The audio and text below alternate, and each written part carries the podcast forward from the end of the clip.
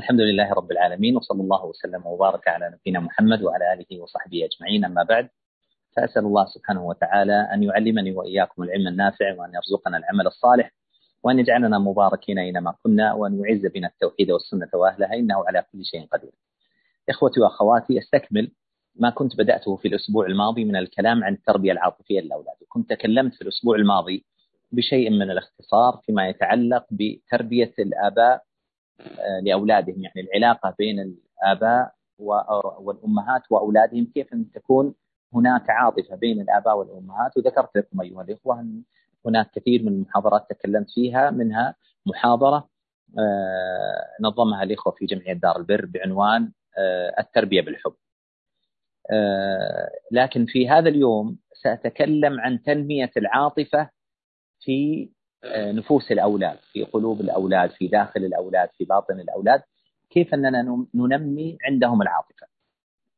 وقبل أن نتكلم عن هذا الموضوع فيما يتعلق بتنمية العاطفة الداخلية للأولاد لابد أن نعرف أن العاطفة آه، أو الشعور الداخلي الذي عند الأولاد ينقسم إلى قسمين. منه ما هو؟ عاطفة صحيحة عاطفة محمودة والنوع الثاني هي العاطفة المذمومة العاطفة الخطأ العاطفة المحرمة.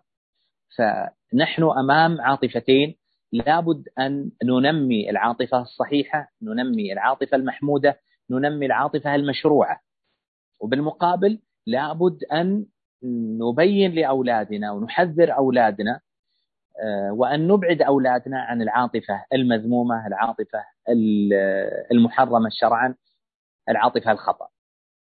مثال العاطفة المحمودة مثل حب الله ورسوله صلى الله عليه وسلم حب الدين حب الأمور المشروعة حب الصلاة حب الصدقة حب الصيام حب الصدق حب الأمانة حب العفة وبغض المعصية بغض كل ما يباعد عن الله سبحانه وتعالى من العاطفة المحمودة حب الوالدين حب النبي صلى الله عليه وسلم حب الصحابة حب الرجل لزوجته وحب المرأة لزوجها حب الأب والأم لأولادهم حب الأولاد لوالديهم.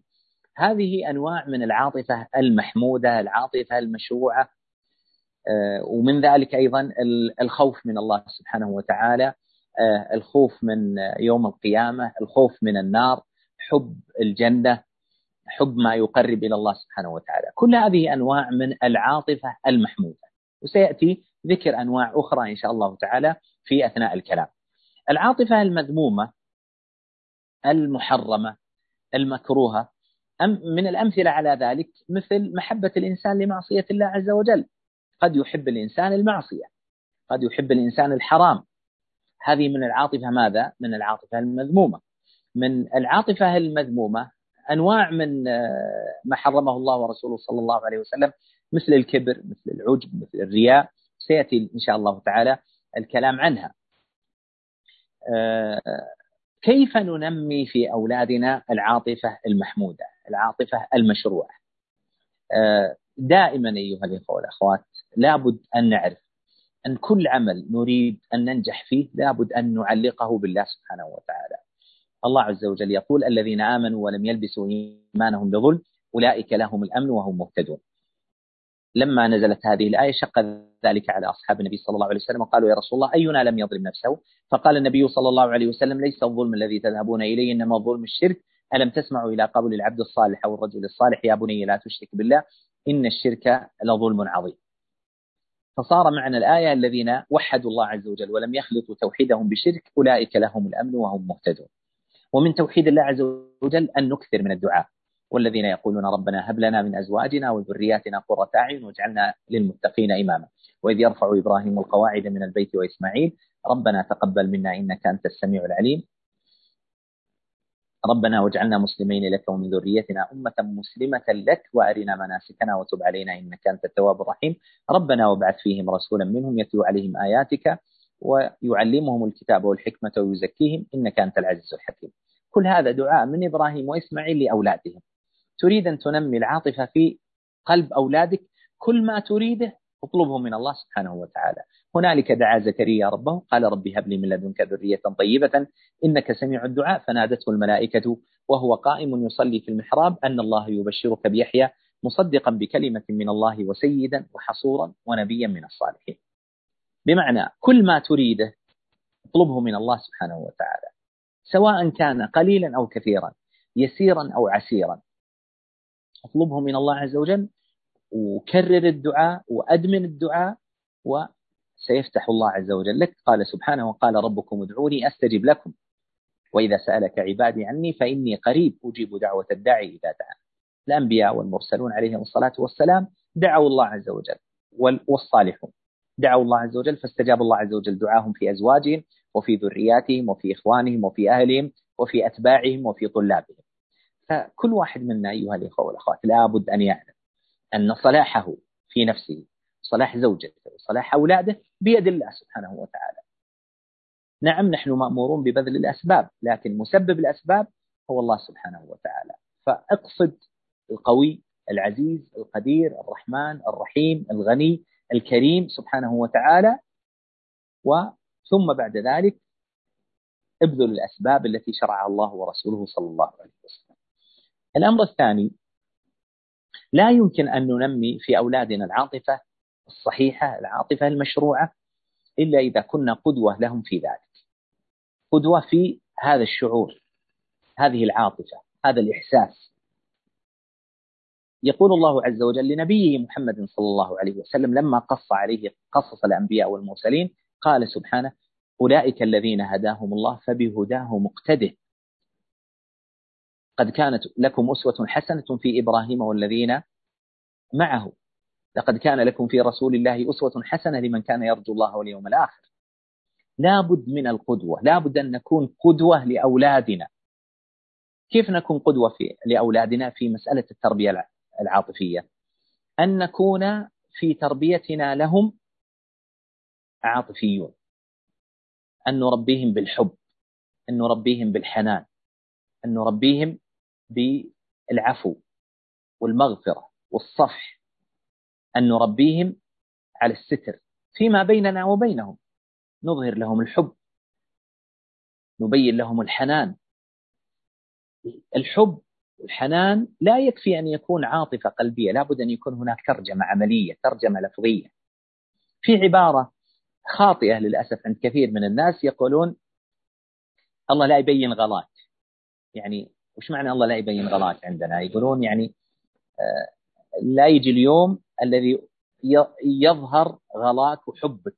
بمعنى أن هي إذا أنك مت مثلا في يوم من الأيام إني سأبكيك بكاء شديدا وأظهر غلاك وحبك.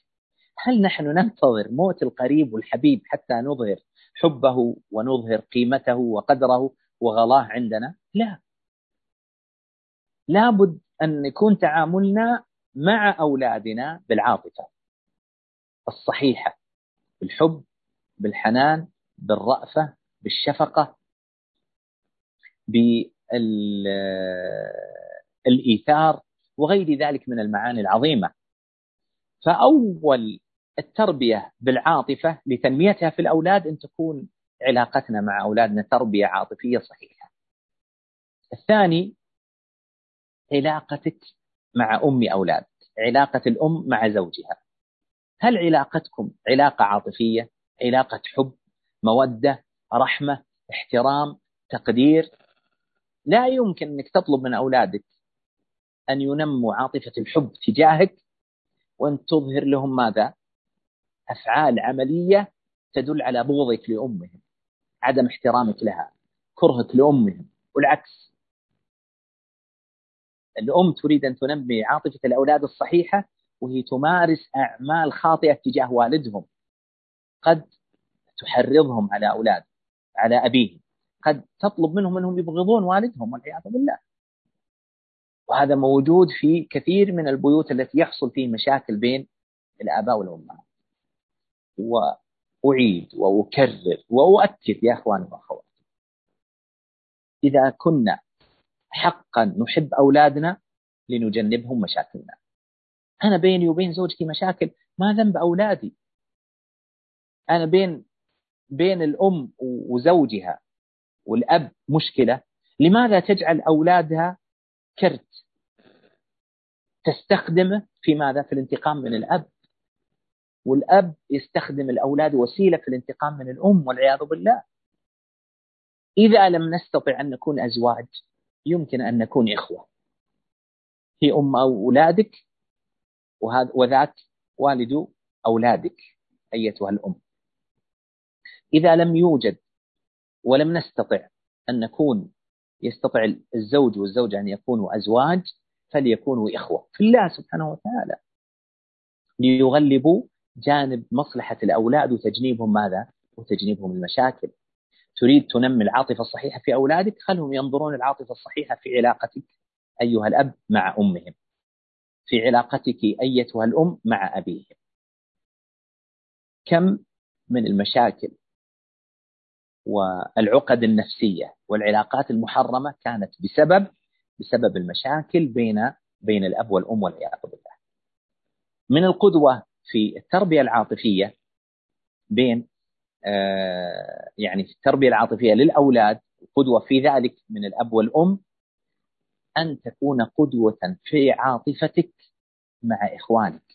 عندك إخوان وعندك أخوات لابد تكون قدوة لأولادك في تربيتهم العاطفية في ذلك. كيف؟ الآن أولادك أنت تريد أن تنشئ بينهم الحب تنشئ بينهم الحنان تنشئ بينهم الاحترام والتقدير. تنشئ بينهم العفو والمغفرة والصفح. تنشئ بينهم التعاون. تنشئ بينهم الإيثار.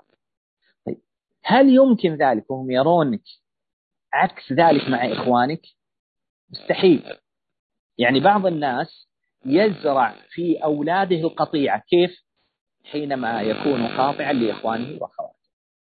احفظوا عني هذه الكلمة. علاقة أولادك فيما بينهم إنما هي عكس ومرآة لعلاقتك مع إخوانك.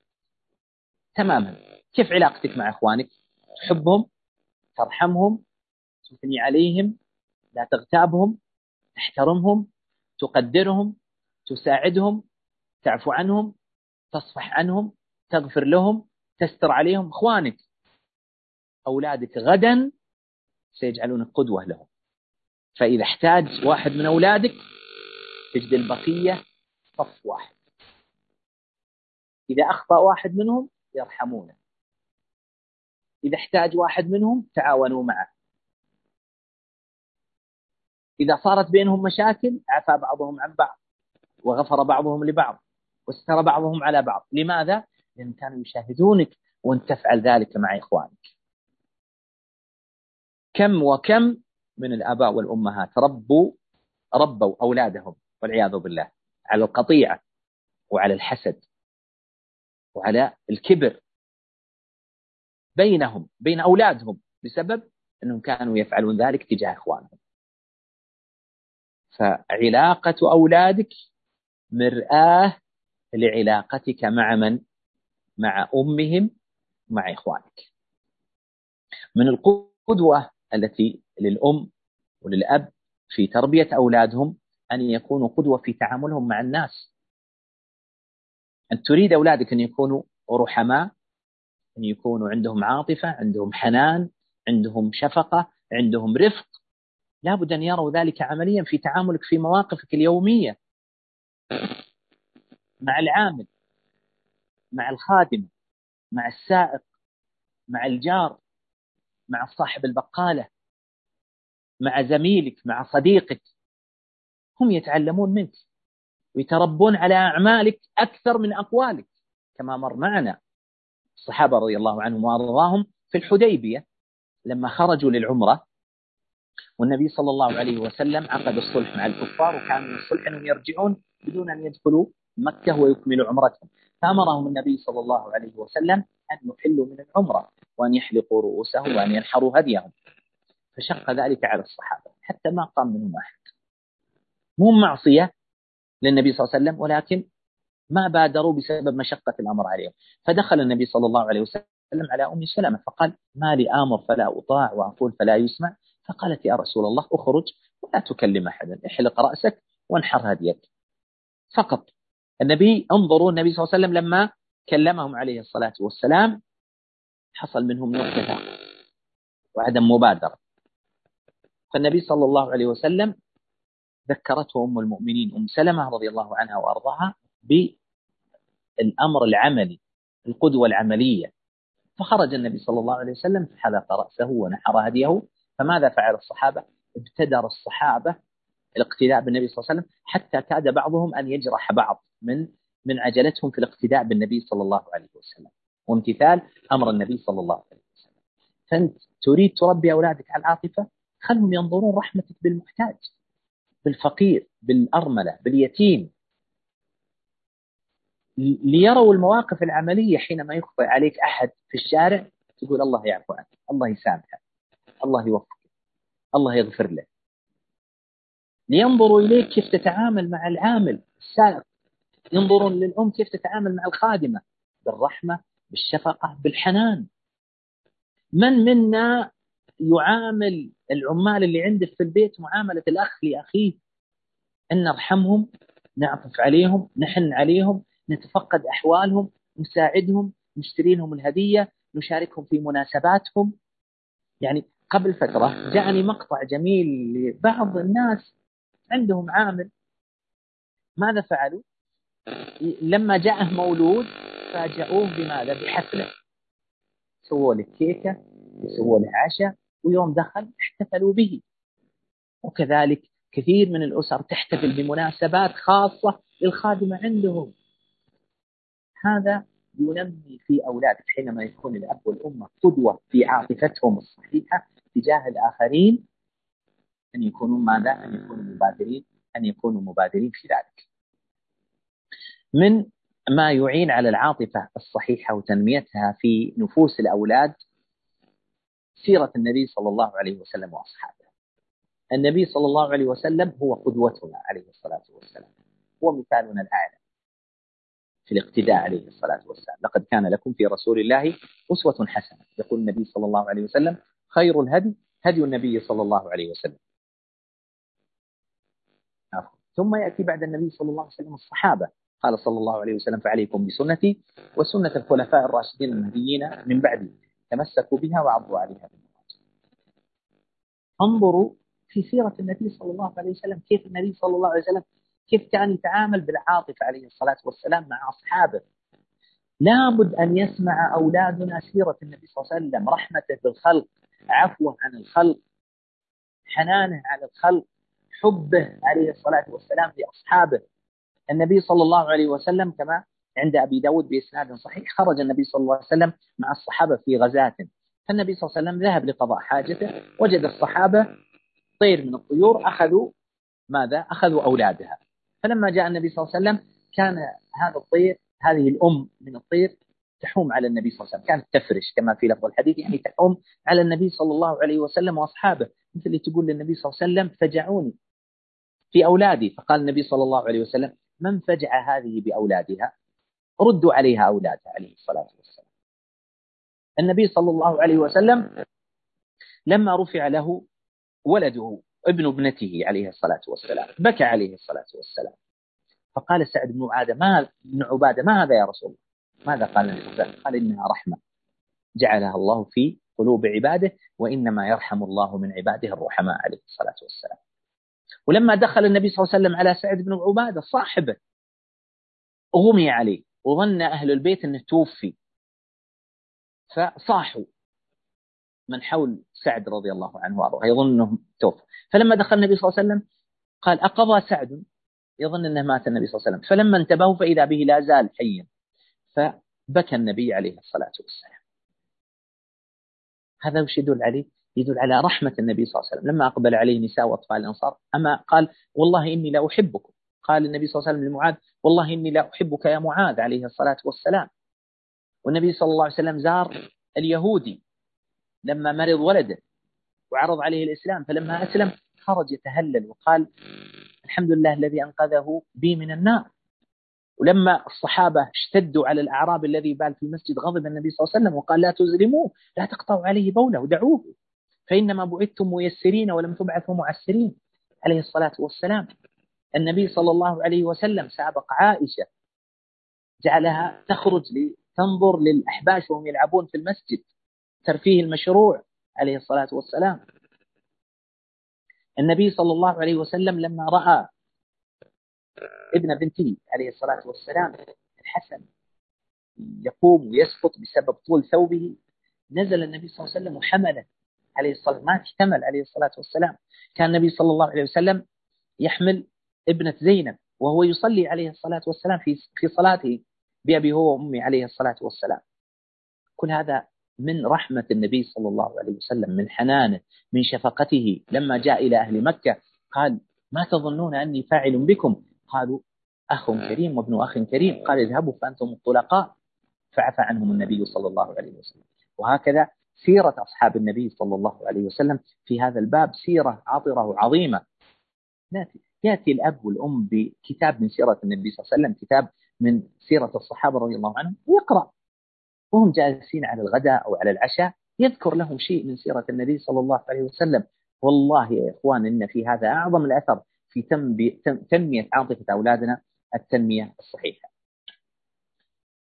الأمر الذي يلي في تنمية العاطفة الصحيحة في نفوس أولادنا بيان فضل العاطفة الصحيحة. من كتاب الله وسنة النبي صلى الله عليه وسلم وسنة الله عز وجل الكونية. الذي يعطف على الناس يرحم الناس يحن على الناس يعفو عن الناس يغفر للناس يستر الناس. هذا كله يرجع له. نبين لأولادنا أنك حينما تحسن للناس تكون عندك عاطفة صحيحة أن هذا مو في مصلحة الناس فقط هذا يرجع لك في الأخير. إن أحسنتم أحسنتم لأنفسكم. هل جزاء الإحسان إلا الإحسان؟ يقول النبي صلى الله عليه وسلم الراحمون يرحمهم الرحمن. ارحموا من في الأرض يرحمكم من في السماء. من ستر على مسلم ستره الله. والله في عون العبد ما كان العبد في عون أخيه من كان في حاجة أخيه كان الله في في حاجته. أنفق يا ابن آدم ينفق الله عز وجل عليك. يعني ويقول النبي صلى الله عليه وسلم إنما تنصرون وترزقون بضعفائكم. ويقول النبي صلى الله عليه وسلم لا يؤمن أحدكم حتى أكون أحب إليه من والده وولده والناس أجمعين. لابد أن نبين لأولادنا فضل العاطفة الصحيحة. تبين له أن حبه لوالده وخدمته لوالده ولأمه أن هذا عبادة لله سبحانه وتعالى. أن رحمته بالناس عبادة لله عز وجل. أن رحمته حتى بالحيوانات. النبي صلى الله عليه وسلم أخبر عن البغي من بني إسرائيل. التي لما جاءت إلى البير ثم خرجت ووجدت الكلب يلحس الثرى من العطش نزلت وملأت جزمتها أو آه، خفها ووضعته في فمها ثم سقت الكلب فغفر الله عز وجل لها. النبي صلى الله عليه وسلم أخبر عن الرجل الذي كان يداين الناس يعني يبيعهم بالتقسيط وقال إذا رأيتم المعسر يقول للذين يعملون معه فتجاوزوا عنه لعل الله أن يتجاوز عني. فقال النبي صلى الله عليه وسلم قال الله عز وجل أنا أحق بذلك منه. إذا كان رحيم أنا أرحم إذا كان كريم فأنا أكرم إذا كان غني فأنا أكرم. فتجاوز الله عز وجل عنه. لابد نبين لنا نبين لأولادنا ماذا؟ فضل العاطفة الصحيحة من كتاب الله وسنة النبي صلى الله عليه وسلم وأثر ذلك الذي يرجع يرجع إلينا. الأمر الذي يلي وأختم به أيها الإخوة والأخوات قبل استقبال الأسئلة بيان خطورة العاطفة الخطأ العاطفة المحرمة. الرجل لما جاء للنبي صلى الله عليه وسلم فقال يا رسول الله إذن لي في بالزنا. فقال النبي صلى الله عليه وسلم أترضاه لأمك؟ أترضاه لأختك؟ قال لا يا رسول الله. قال فكذلك الناس لا يرضونه لأعراضهم لأهلهم.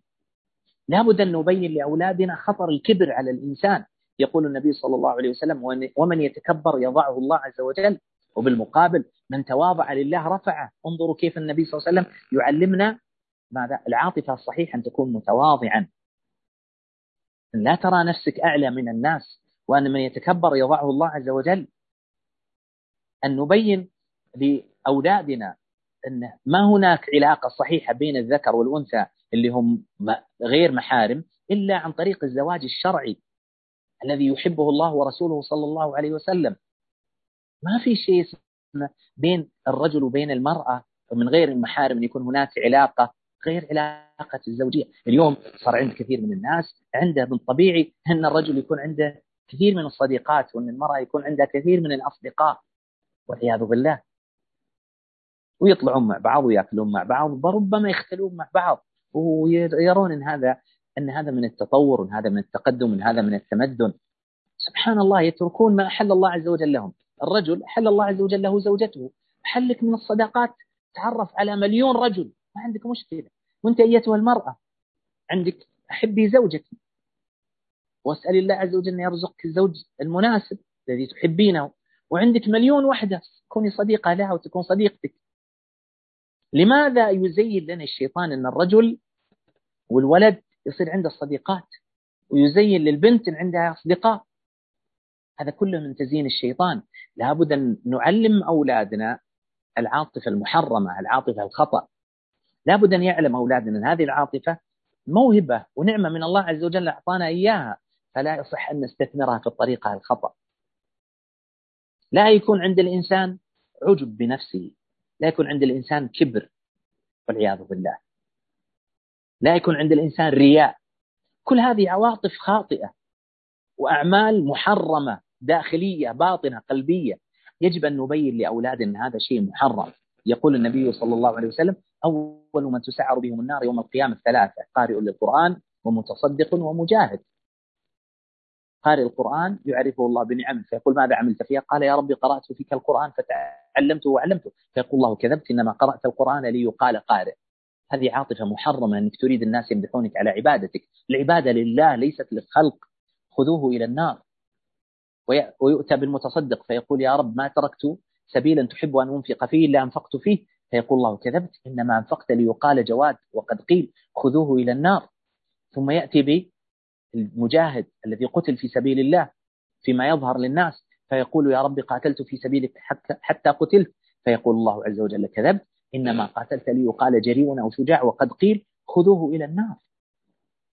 لا بد أن يسمع أولادنا أن هذه العاطفة عاطفة محرمة عاطفة خطأ. أعمال قلبية محرمة. مثل ما يسمعون منا ماذا؟ العاطفة الصحيحة العاطفة الواجبة. محبة الله ومحبة رسوله ومحبة طاعته وطاعة رسوله صلى الله عليه وسلم محبة الوالدين محبة الزوج لزوجته. والزوجة لزوجها محبة الوالدين لأولادهم والأولاد لوالديهم وهكذا. الإيثار الأمانة العفة. نذكر لهم فضل هذه الأعمال. القلبية والعاطفة الصحيحة المشروعة التي يحبها الله ورسوله وبالمقابل نبين لهم خطر العاطفة الخطأ. العلاقات المحرمة الحب الكاذب المزيف الذي يبغضه الله ورسوله صلى الله عليه وسلم. البعد عن كل عاطفة محرمة الرياء العجب الكبر. نسأل الله السلامة والعافية. أسأل الله سبحانه وتعالى أن يهب لنا من أزواجنا وذرياتنا قرة أعين وأن يجعلني وإياكم وإياهم للمتقين إماما.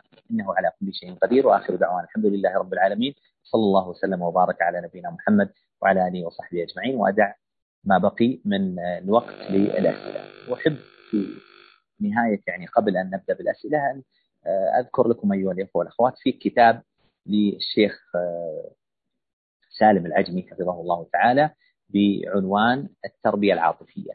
ولعل الإخوة يتحفونكم برابطه موجوده على النت.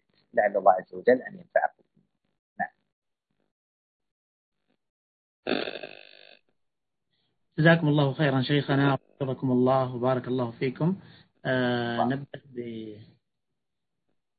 نبدأ ببعض الأسئلة الشفهية. الأخ حسن أحمد. الأخ حسن أحمد.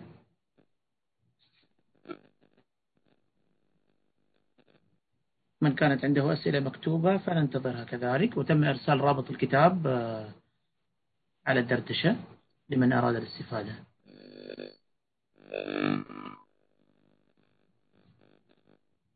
طيب أحد عنده سؤال أيضا؟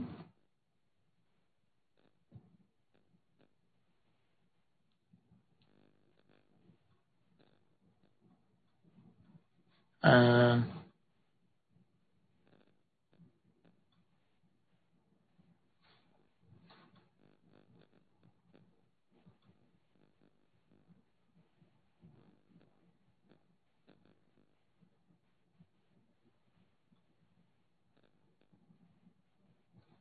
الأخ خالد.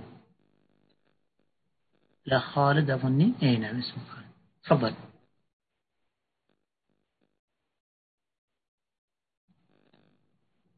تفضل فتحت الميكروفون حفظك الله. ممكن تسأل الشيخ؟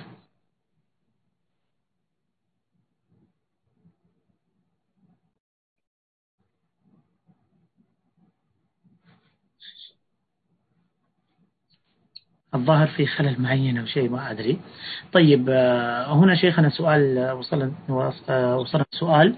أنا كنت في قراءتي بالقرآن ممتازة وتجويد عالي وأحصل مدح كثير.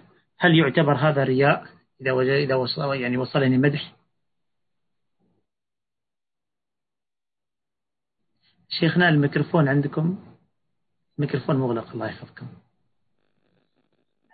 بالنسبة للسؤال إذا جاء الإنسان المدح ولم يقصده بمعنى أنه عند على عبادة من العبادات ثم مدح على ذلك. سئل النبي صلى الله عليه وسلم عن ذلك فقال ذلك عاجب بشرى المؤمن. والنبي صلى الله عليه وسلم لما أثنوا على الجنازة أثنوا عليها خيرا قال وجبت لها الجنة أنتم شهداء الله في أرضه. فالإنسان إذا لم يقصد أن الناس يمدحونه فمدحوه دون قصد لذلك فإن هذا لا يضره بل هو إن شاء الله تعالى علامه خير جزاكم الله خيرا شيخنا. آه سؤال من الأخت سؤال شفهي من الأخت آمنة. الأخت آمنة الشامسي ممكن تفتحين الميكروفون.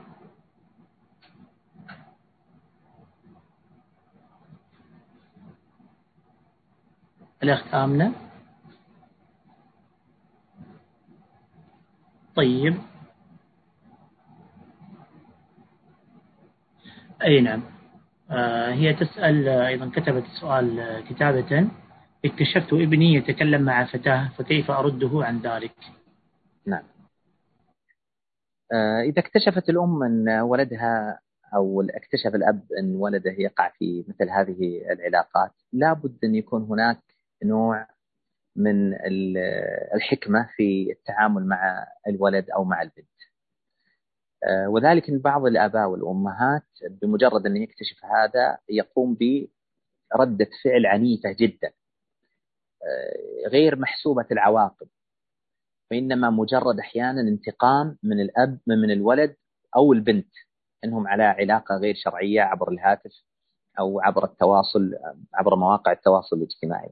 لابد أن الأب والأم إذا اكتشفوا مثل هذه العلاقة اولا إن قبل أن تكون عندهم ردة فعل تكون عندهم نية في إصلاح هذا الولد ذكرا كان أو أنثى لا مجرد ردة فعل وانتقام ل آه، مثل ما يقال حقكم الشخصي. يعني أنا ربيتك وتعبت عليك وآخر شيء تسوي كذا. كان الأمر أمر شخصي. لا الأمر مو بشخصي. الأمر أن تربيه طاعة لله عز وجل.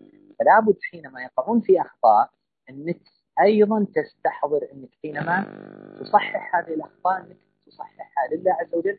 ثم لأجل هؤلاء الأولاد إن يريد إصلاح يوفق الله بينهم. يعلم الله في قلوبكم خيرا يؤتكم خيرا مما أوتي هذا الأمر الأول. الأمر الثاني أن يكون هناك جلسة. جلسة فيها حوار فيها بيان لخطأ هذا الأمر في بيان آه، المفاسد العظيمة المترتبة على هذا الأمر. مثل ما قال النبي صلى الله عليه وسلم أترضاه لزوجك أترضاه لأمك أترضاه لأختك إذا كان ذكر. والبنت أيضا يقال لها ليس هذا هو الطريق الصحيح للعلاقة مع الجنس الآخر يعني مع الذكور. العلاقة الصحيحة في الحب إنما تكون ماذا؟ عبر آه، طريقة واحدة وهي الزواج. أيضا بيان أن كثير من هذه العلاقات إنما هي علاقات مزيفة علاقات مكذوبة. كثير من هذه العلاقات إنما هي ليست حب حقيقي إنما هي شهوة إنما هي بحث عن اللذة.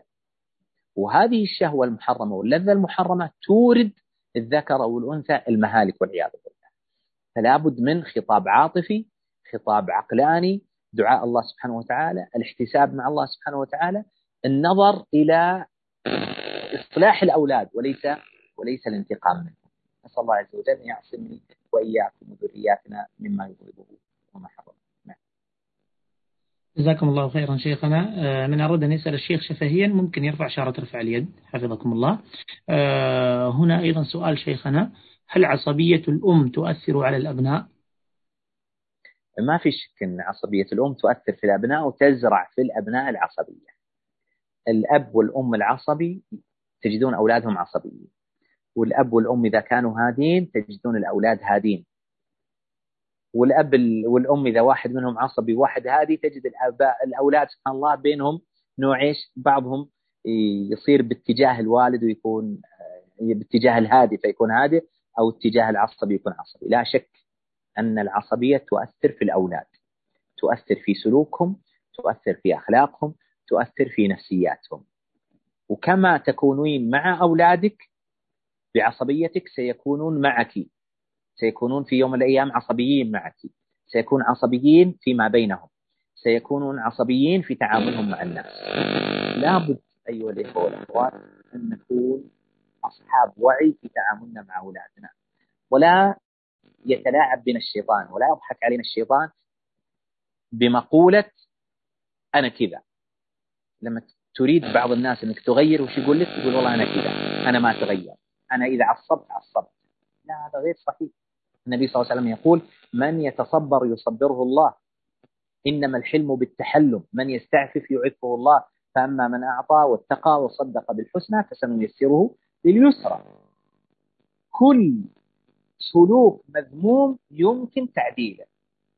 إذا قصدنا النية الصحيحة وسلكنا العمل الصحيح. يقول النبي صلى الله عليه وسلم وهو رسول الله صلى الله عليه وسلم في مسلم في قيامه كل ليلة اللهم اهدني لأحسن الأخلاق لا يهدي لأحسنها إلا أنت. واصرف عني سيئها لا يصرف عني سيئها إلا أنت.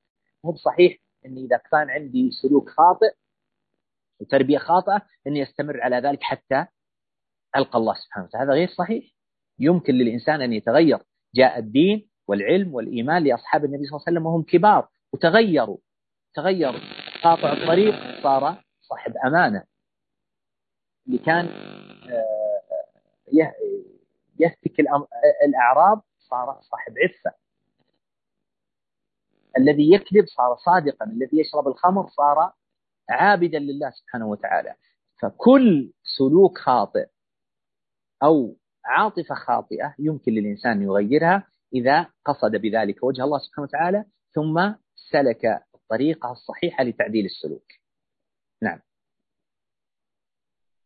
جزاك الله خيرا شيخنا. آه الأخت مريم ممكن تفتحين الميكروفون وتسألين الشيخ؟ أخت مريم. أيضا الأخ أبو راشد. أبو راشد ممكن تسألون الشيخ؟ افتحون الميكروفون وتسألون الشيخ. أو... السلام عليكم ورحمة الله وبركاته. وعليكم السلام ورحمة الله وبركاته. خير عبد العزيز حياك الله. معي. أخوك عبد العزيز الزنان الله يعافيك. طول عمرك. حياك الله شيخنا الله يعافيك سلمك. الله يرفع قد. الله يطول عمرك يعافيك. جزاك الله حبيبنا أبو عبد العزيز الله يرفع قدرك. في واحد من الزملاء يسأل عن يقول أنا تربيتي تربية إن شاء الله صحيحة والزوجة كذلك للأبناء والبنات الله يصلحهم. نعم. لكن الإشكالية الآن في اللي هو زيارة الأهل أو زيارة مثلا انتباه اللي هم أهل الزوجة وكذا. يقول يعني ناس متفتحين بزيادة وناس يعني عندهم يعني يعني ما عندهم تحفظ على كثير من الأمور. مثلا زي نعم. الأبناء المراهقين والبنات مثلا يتناولون الأرقام والسنابات وسائل التواصل. فيقول كل ما رجعنا البيت مرة ثانية ولا يعني نعدل بعض السلوكيات الخاطئة عند العيال والبنات الله يصلحهم. في قول صرت في جهاد إن كل ما رحنا مثلا جماعتنا تغيروا العيال شوي وكل ما رحنا مثلا أهل الزوجة تغيروا شوي خبر كثرة المناسبات وكثرة ال... فيقول وش الحل الأسلم؟ هل أقطعهم مرة واحدة أو مثلا يصير زيارات بس بحذر؟ فيقول والله إني في حيرة من أمري وش أسوي يعني؟ الأمر الأول لابد من الاستعانة بالله سبحانه وتعالى. يعني الله عز وجل يقول ومن يتق الله يجعل له من يسرا ومن يتق الله يجعل له من أمره. ومن يتق الله يجعل له مخرجا ويرزقه من حيث لا يحتسب. لابد من الاستعانة بالله سبحانه وتعالى ولابد نعلم أيها الإخوة والأخوات أن تربيتنا لاولادنا قائمة على ركنين إما وقاية وإما علاج. وأننا في مجتمع لا يمكن أن ننفصل عليه. وأن فصل الأولاد عن المجتمع ليس حلا. يعني تصوروا أيها الإخوة والأخوات لو أن إنسان يخاف على أولاده الأمراض البدنية فقال لن أعرضهم لأي شيء ما أطلعهم من البيت ما أعرضهم لحرارة ما أعرضهم لبرودة ما أعرضهم لأي أطعمة يمكن أن يصابوا بأي مرض. مع الوقت سيكونون هؤلاء الأولاد سيكونون هؤلاء الأولاد ما عندهم مناعة للأمراض مع شدة خوفه عليكم. لابد أن نعرف أن من الطبيعي أن يقع أولادنا في الأخطاء أن يصاب أولادنا ببعض الميكروبات والبكتيريا والفيروسات السلوكية التي يتلقونها من المجتمع. حتى لو عزلناها عزلناهم عن الأهل سيذهبون للمدارس سيذهبون للجامعات سيختلطون بالناس. هذا شيء طبيعي. إذا ما الحل؟ الحل أولا الاستعانة بالله سبحانه وتعالى ودعاء الله عز وجل ثم بعد ذلك الطرق الأخرى. مثلا لابد أن نعرف أن الوقاية خير من العلاج ودرهم وقاية خير من قنطار علاج. ليس الحل دائما أنك فقط تكون تقوم بدور العلاج لابد أن يكون عندك وقاية. تبين السلوكيات الموجودة الخطأ في المجتمع مثل التعارف مثل السنابات الآن بين الأولاد الذكور والإناث. لابد أن يكون قبل ذلك أصلا من الصغر علمت أولادك أن صداقات البنت تكون مع البنات وصداقات الأولاد مع الأولاد. وأنه من الخطأ ومن العيب أن تكون عندك صداقات مع مع الجنس الآخر. وأن ما يقع في المجتمع أن هذا خطأ لازم نكون صريحين مع أولادنا. هذا خطأ ونبين لهم ماذا يترتب عليه. يعني حتى الإنسان يجلس مع أولاده يقول تصوروا يا عيالي أني الآن عندي أنا صداقات مع النساء وأن أمكم معها صداقات مع الرجال. هل ترون هذا صحيح؟ هذا خطأ حرمه الله ورسوله صلى الله عليه وسلم. أمكم أي إنسان متزوج لا يرضى أن تكون الطرف الآخر له صداقات من الجنس الآخر. لكن عباد الله سبحانه وتعالى فتح لكم الأبواب في الصداقات من نفس الجنس. تبينون لهم العلاقة الصحيحة مع الجنس الآخر أنها فقط اللي هو الحب والعلاقات إنما تكون بالزواج الذي سنه الله ورسوله صلى الله عليه وسلم. الأمر الآخر أن هذه الأماكن اللي يكون فيها كثير من هذه الأخطاء يحاول الإنسان بقدر الاستطاعة أن يقلل أن تكون من باب القيام بالواجب. يكون القيام بالواجب وإذا وهو طالع مع أولاده يحاول أن ينبههم تنبيه غير مباشر. أيضا من الأشياء اللي تنفع في ذلك أيها الإخوة والأخوات أن الإنسان يكون مصلح. مو مصلح فقط لنفسه وأولاده لا مصلح للأسر الأخرى. أن تدعو لهم أن الله عز وجل يصلح انسباك يصلح خوال عيالك يصلح عمانهم يصلح أولاد عمهم يصلح أولاد أخوالهم. أنك تكون بينهم قدوة في الخير وتذكرهم. دائما إذا جلست مع انسباك جلست مع أخوانك تذكرهم بالتربية الصحيحة تذكرهم بما أمر الله به ورسوله صلى الله عليه وسلم. تدعو لهم في سجودك. أبو الدرداء يقول والله إني لأدعو في سجودي لسبعين من إخواني. من يعني إخواني في الله سبحانه وتعالى. فمن منا يدعو لعمان أولاده؟ يعني لهم أخوانه أو أخوال أولاده. وأولادهم وذرياتهم وأزواجهم. أن الله عز وجل يصلحهم ويهديهم وأن يجعل اجتماعنا معهم اجتماعا على الخير وعلى البركة وأن يكونوا عونا لنا على طاعة الله سبحانه وتعالى. المقصود أنه ليس الحل أيها الإخوة والأخوات اليوم في مجتمعاتنا أن نفصل أولادنا عن الناس هذا مستحيل. ولن ينتج في النهاية ولن ينجح في النهاية. ثم ليس مستحيل أن نوجد في بيئة فيها أخطاء ومع ذلك ننجح في تربيتنا مثل ما فعل النبي صلى الله عليه وسلم وأصحابه. أسسوا أحسن جيل بعد الأنبياء والمرسلين جيل الصحابة وكانوا في بيئة كفار ومشركين يعادون الله ورسوله صلى الله عليه وسلم. يستعين الإنسان بالله يدعو الله سبحانه وتعالى يستخدم الوقاية يستخدم العلاج يدعو إلى الله سبحانه وتعالى يكون ناصحا ولعل الله عز وجل أن يعني ويوفق ولا بد أن نعلم أيها الإخوة أننا هكذا هي التربية أنك ستظل تربي أولادك إلى أن تلقى الله سبحانه نعم. جزاك الله خيرا شيخنا. آه الأخت مروة عبد العزيز ممكن تفتح الميكروفون تسألين الشيخ؟ السلام عليكم ورحمة الله وبركاته. حضرتك في مشكلة في ال... في الانتباه الانفعالي يعني مثلا بدخل بنتي بتبقى عاملة موقف. فأنا ب... برد بغضب فبغلط. فبعد كده بندم إن أنا رديت الرد ده. فنفسي في ثبات انفعالي إن أنا أمتص المشكلة الأول بعد كده أتعامل معاها بهدوء. نعم. آه معي. نعم حضرتك سمعت تسمعون لي؟ إي نعم نعم شيخنا تفضل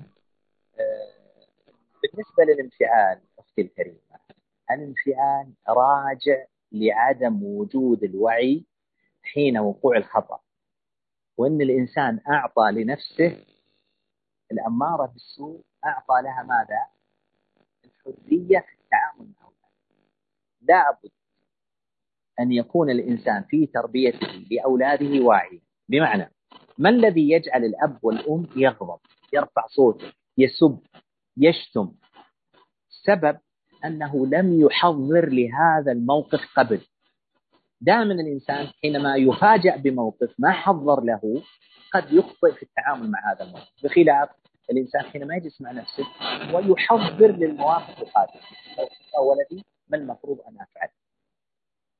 أفكر وأدون. الله عز وجل أنعم علينا بهذه النعمة الجوال وهو يعني هو فيه إيجابيات وسلبيات. من أعظم إيجابياته التدوين.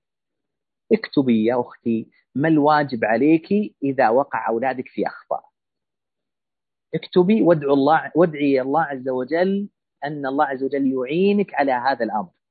إذا وجد الفكرة الصحيحة في الداخل أثمر عمل صحيح. لابد أن نعرف أيها الإخوة أن كل عمل في الخارج يعني شيء عملي نقوم به بجوارحنا ناتج عن فكرة داخلية. إذا كانت الفكرة الداخلية والتصور الداخلي والاعتقاد الداخلي صحيحا سينتج لنا عملا صحيحا. وإذا كان التصور والاعتقاد والفكرة الداخلية خطأ سينتج تلقائيا أعمال وسلوكيات خاطئة. لذلك لابد أن تنمي في داخلك كيف تتعاملين مع أولادك؟ تتعاملين معهم بالرفق باللين بالصفح بالعفو بالمغفرة. هذا هو الأصل. عدم السب. تتوقفين الآن الآن عن السب عن الشتم عن رفع الصوت. ولابد أن يكون هذا في داخلك عزم. ستجدين أنك إذا عزمتي ودعوتي الله عز وجل وكتبتي ذلك وكل فترة تكررين تزيدين في كتابة هذه الوسائل ستجدين أنك تلقائيا بحول الله وقوته ستتغير. والدعاء الدعاء الدعاء يا إخواني وأخواتي ليس بيننا وبين أحلامنا أي حلم مهما كان عظيم إلا دعوة مستجابة. نعم. جزاكم الله خيرا شيخنا. آه الأخ أو الأخت سلام. الأخ أو الأخت سلام. ممكن تفتحون الميكروفون وتسألون الشيخ.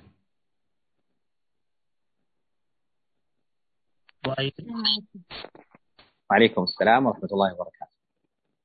هو صراحة سؤالي يا شيخ أنت جاوبت عليه الله يجزاك خير. هي الله يبارك بس عندي بس ملاحظة للإخوة بالنسبة لرابط تسجيل الحضور. عند العمر أكتب العمر بالإنجليش بالعربي ما راح أقبل معاكم. هذه الإشكالية واجهتني سألت فيها. جزاك الله خير. كتب الله أجرك جزاكم الله خير. الله يحفظكم. شكرا على الملاحظة ما تقصرين آه الأخت سامية حماد. السلام عليكم. وعليكم السلام ورحمة الله وبركاته. حياك الله بنتي. الله الله يجزاك حضرتك جزاك الله خير. على الكلام الطيب ربنا يعني يجازيك خير يا شيخ إن شاء الله. آمين وياك يعني آه حضرتك ذكرتها اللي هي تربية الأولاد على عدم يعني عدم وجود علاقة وأجنبي بين أجنبي بين الرجل أو المرأة وإن دي أساسيات أو أصول لازم الولد والبنت يصبوا عليها. فبرضه يعني كنت عاوزة يعني يعني طبعا يعني نقطة أنا دي تجربتي مع أولادي غض البصر. يعني من من الأول الخطوات اللي لو الولد والبنت اتربوا عليها بتسهل كتير جدا إن مجرد إن أنا يعني غض بصر أو الولد عن الاجنبي عنها بيسهل كتير جدا في إن الأمر ده بيبقى يعني أمر مستبعد تماما. أنا ما بنظرش فازاي هعمل علاقة؟ فدي كانت من ضمن ال يعني التجربه اللي أثمرت معايا جدا جدا مع ولادي. دي نقطة. النقطة الثانية حضرتك إن بالرغم من التربية أنا أو لحد ما يعني يعني زرعت في أولادي بس ليا بنت من بناتي بحس إن هي بتكن مشاعر معينة لأخ ابن ابن صديقة ليا. كانوا بيلعبوا مع بعض في فترة صغرهم. فأنا برضه يعني كنت حضرتك أنا مجرد إحساس مني بمشاعر للولد دوت وبرضه اخت يعني صديقتي برضه بتحس بمشاعر من الولد للبنت. بس طبعا ما فيش أي كلام ما فيش فيه أي حاجة. نعم. مجرد أصلا النظر يعني هي عارفة خلاص هي بلغت والولد برضه كبر. في تانية نعم. ثانوي فالموضوع ما فيش أي علاقة. بس يعني أنا حضرتك يعني بحس في اوقات إن هي بتسرح بتفكر.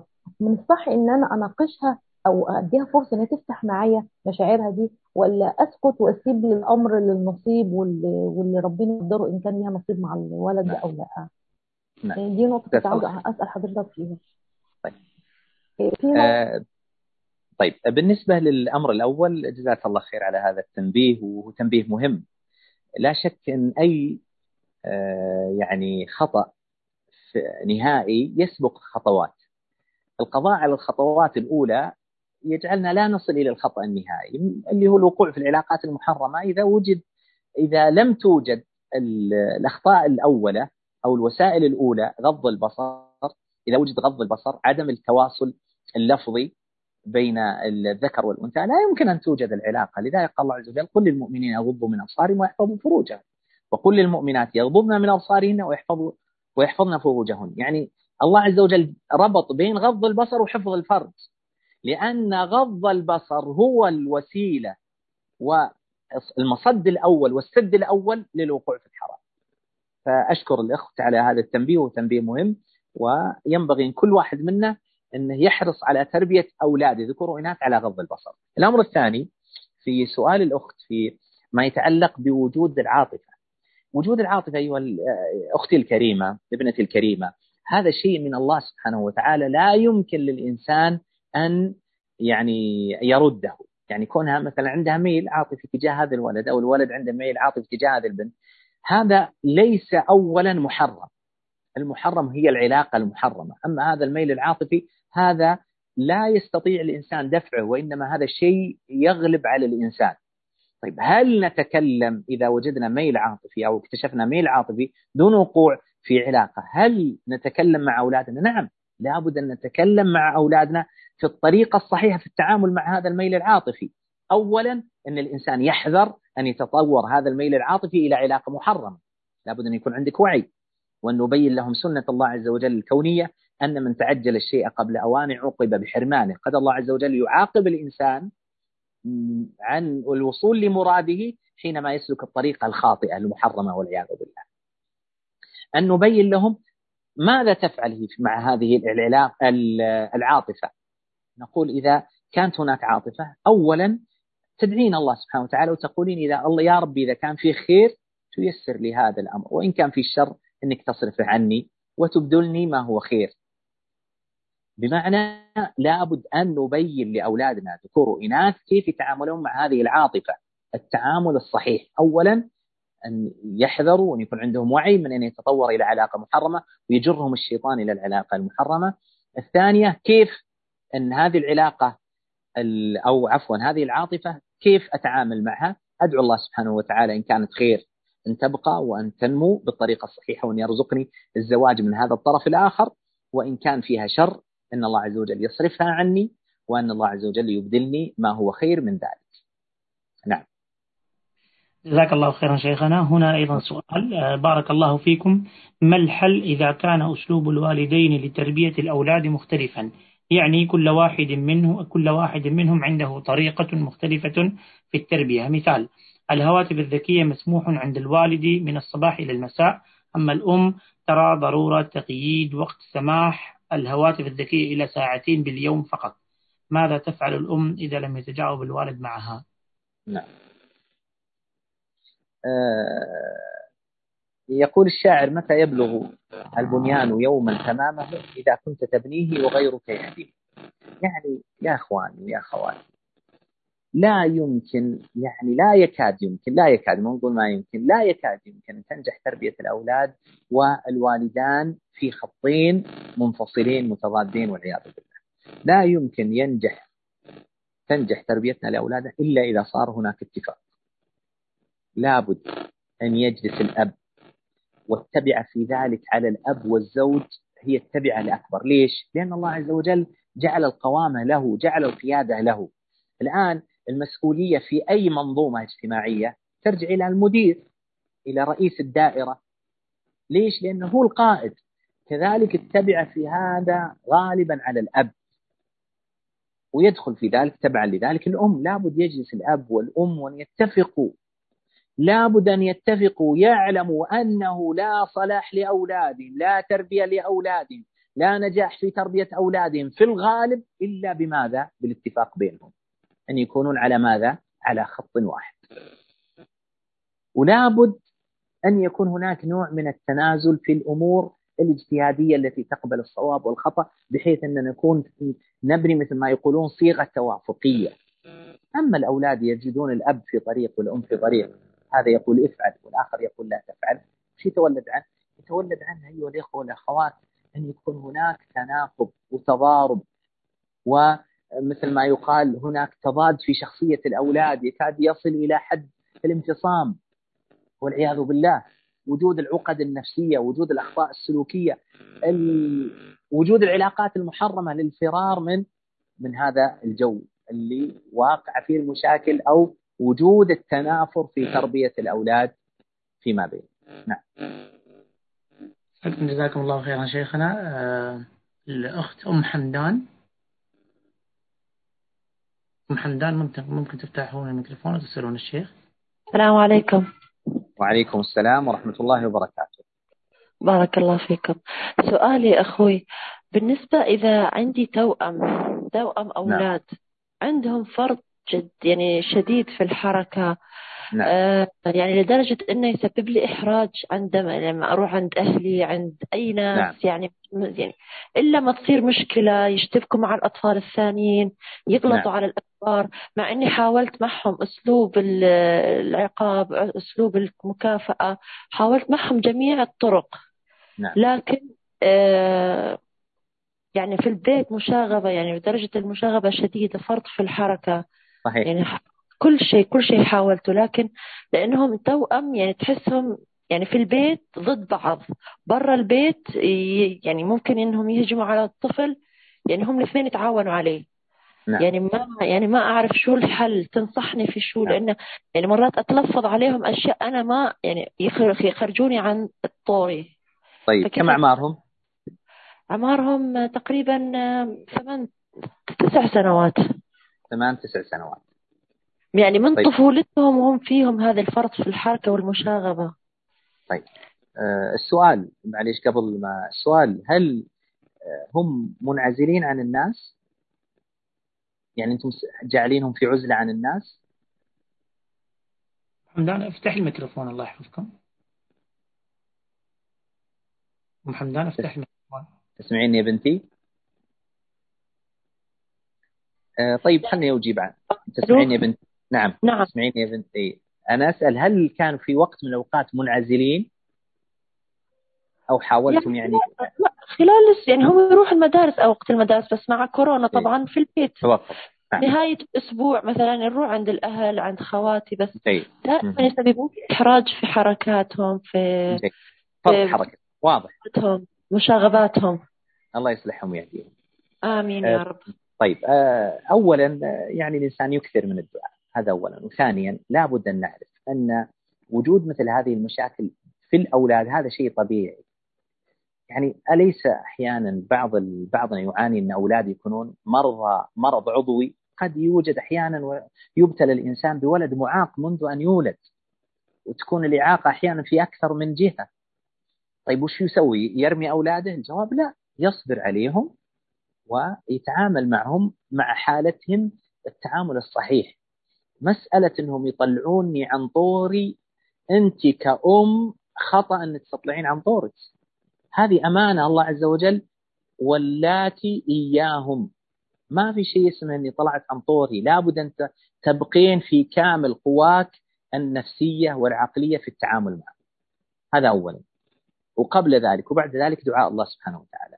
الأمر الذي يليه هؤلاء اللي عندهم فرط حركة لابد أن يكون هناك علاج سلوكي لهذا الفرط الحركة. من العلاج السلوكي لفرط الحركة؟ أنك تجعلهم يتحركون. يعني يعني أطفال عندهم فرط حركة من مما يزيد حركتهم أن يكونون في بيئة ضيقة. يعني مثلا يكونون ساكنين في شقة شقة صغيرة. طيب الحل الحل انه لازم يتفق الأب والأم انه خلال اليوم لازم الأولاد يطلعون في بيئات مفتوحة. يمارسون هذه الحركة إما حديقة قريبة إما أن يكون فيه نادي. وما في ترى يعني من الأشياء المفيدة جدا جدا يا أخ إخواني وأخواتي. ممن ابتلوا أولاد من فرط الحركة أمرين. اللعب في التراب أو الرمل. الأمر الثاني السباحة. هذين الأمرين مما يساهم كثيرا في علاج فرط الحركة عند الأولاد. الأمر الذي يليه الحرص على أن تجعلوا هؤلاء الأولاد ضمن مجتمع تكونون مشرفين على هذا المجتمع يعني يلعبون مع أطفال ألعاب جماعية وتحفزونهم على ماذا؟ على عدم الوقوع في السلوكيات والأخطاء. بمعنى أن يكون عندهم قائمة تسمى قائمة الشرف. اللي هي الحين الشخص إذا تخرج من الجامعة يقولون عنده مرتبة الشرف. هذه قائمة اللي هي قائمه الإحسان. تقولون لهم اليوم إن طالعين آه، وعندنا قائمة للإحسان لإحسانكم في تعاملكم مع الناس وإذا حصلتم على نقاط معينة تكافئون بالأمر الفلاني الذي يحبونه مثلا أه، وأحب أن أنبه أيها الإخوة والأخوات كثير من الأولاد خرج عليهم ما يسمى بفرط الحركة أحيانا العدوانية عدم الذكاء الاجتماعي التعامل مع الناس بعد فترة الحجر في كورونا. بل أنا واجهت أيها الإخوة والأخوات كثير من كبار الكبار ليسوا الأطفال. ظهرت عليهم آه، سلوكيات ونفسيات بعد فترة الحجر. لذلك لابد أن نتعامل مع أولادنا التعامل الصحيح فيما يتعلق بفرط الحركة. محاولة أنهم آه، يكون هناك لعب في أماكن مفتوحة آه، السباحة اللعب في الرمل اللعب مع اللعب الجماعي يكون هناك ما يسمى بقائمة السلوكيات الإيجابية التي يكافئون في النهاية على على إحسانهم وإتقانهم. البعد تماما عن العنف معهم الغضب، السب، الشتم، العصبية لأن هذا سيكون لها مردود عكسي تجاه هؤلاء الأولاد. الأمر الأخير الذي أذكر به إخواني وأخواتي أي سلوك خطأ عندك أدمن أدمن يكون عندك إدمان من السماع والمشاهدة لعلاجه. عندك عصبية افتح في اليوتيوب الموثوقون من التربويين وطلبة العلم وأهل العلم في علاج هذه المشكلة. أي مشكلة وأنت عندك قدرة على التمييز اسمع اقرأ شاهد احضر دورات تدريبية ستجد أنك مع كثرة وإدمان السماع والمشاهدة والحضور أنك تتغير تلقائيا بإذن الله تعالى. نعم.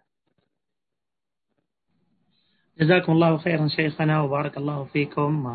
فيكم بارك. بس يعني بعد زدنا صحيح. آخر الليل الله يحفظكم. الله يجزيكم عني خير الجزاء. آمين. جزاكم الله خيرا. كلمة ختامية أو شيء تختمون فيها شيخنا؟ بلى. آه، كلمة ختامية أقول لإخواني وأخواتي. هؤلاء الأولاد أمانة. وهذه الأمانة حملنا الله عز وجل إياها. ما عندنا أي عذر بين يدي الله في التفريط حينما الله عز وجل حملك هذه الأمانة لابد أن تكون أهل لحمل هذه الأمانة. وكل سلوك كل خطأ تكتشفه يمكن علاجه. ما في شيء اسمه لا يمكن العلاج. حتى لو كان أولادك صاروا في سن المراهقة العشرين الثلاثين حتى لو بلغ أولادك الأربعين لا ما دمت أنك حي. هناك فرصة للتغيير. هناك فرصة للنجاح. هناك فرصة للتطور. هناك فرصة للإحسان والتوبة والرجوع والأوبة بالنية الصادقة والوسائل الصحيحة. أسأل الله سبحانه وتعالى أن يوفقنا إلى ما يحب ويرضى إنه على كل شيء قدير. وأسأله سبحانه وتعالى أن يصلحنا وأن يصلح أزواجنا وذرياتنا وإخواننا وأخواتنا وأزواجهم وذرياتهم. ومن نحب ومن له حق علينا ومن أوصيناه بالدعاء أو أوصانا بالدعاء إنه على كل شيء قدير. وآخر دعوان الحمد لله رب العالمين وصلى الله وسلم وبارك على نبينا محمد وعلى آله وصحبه أجمعين.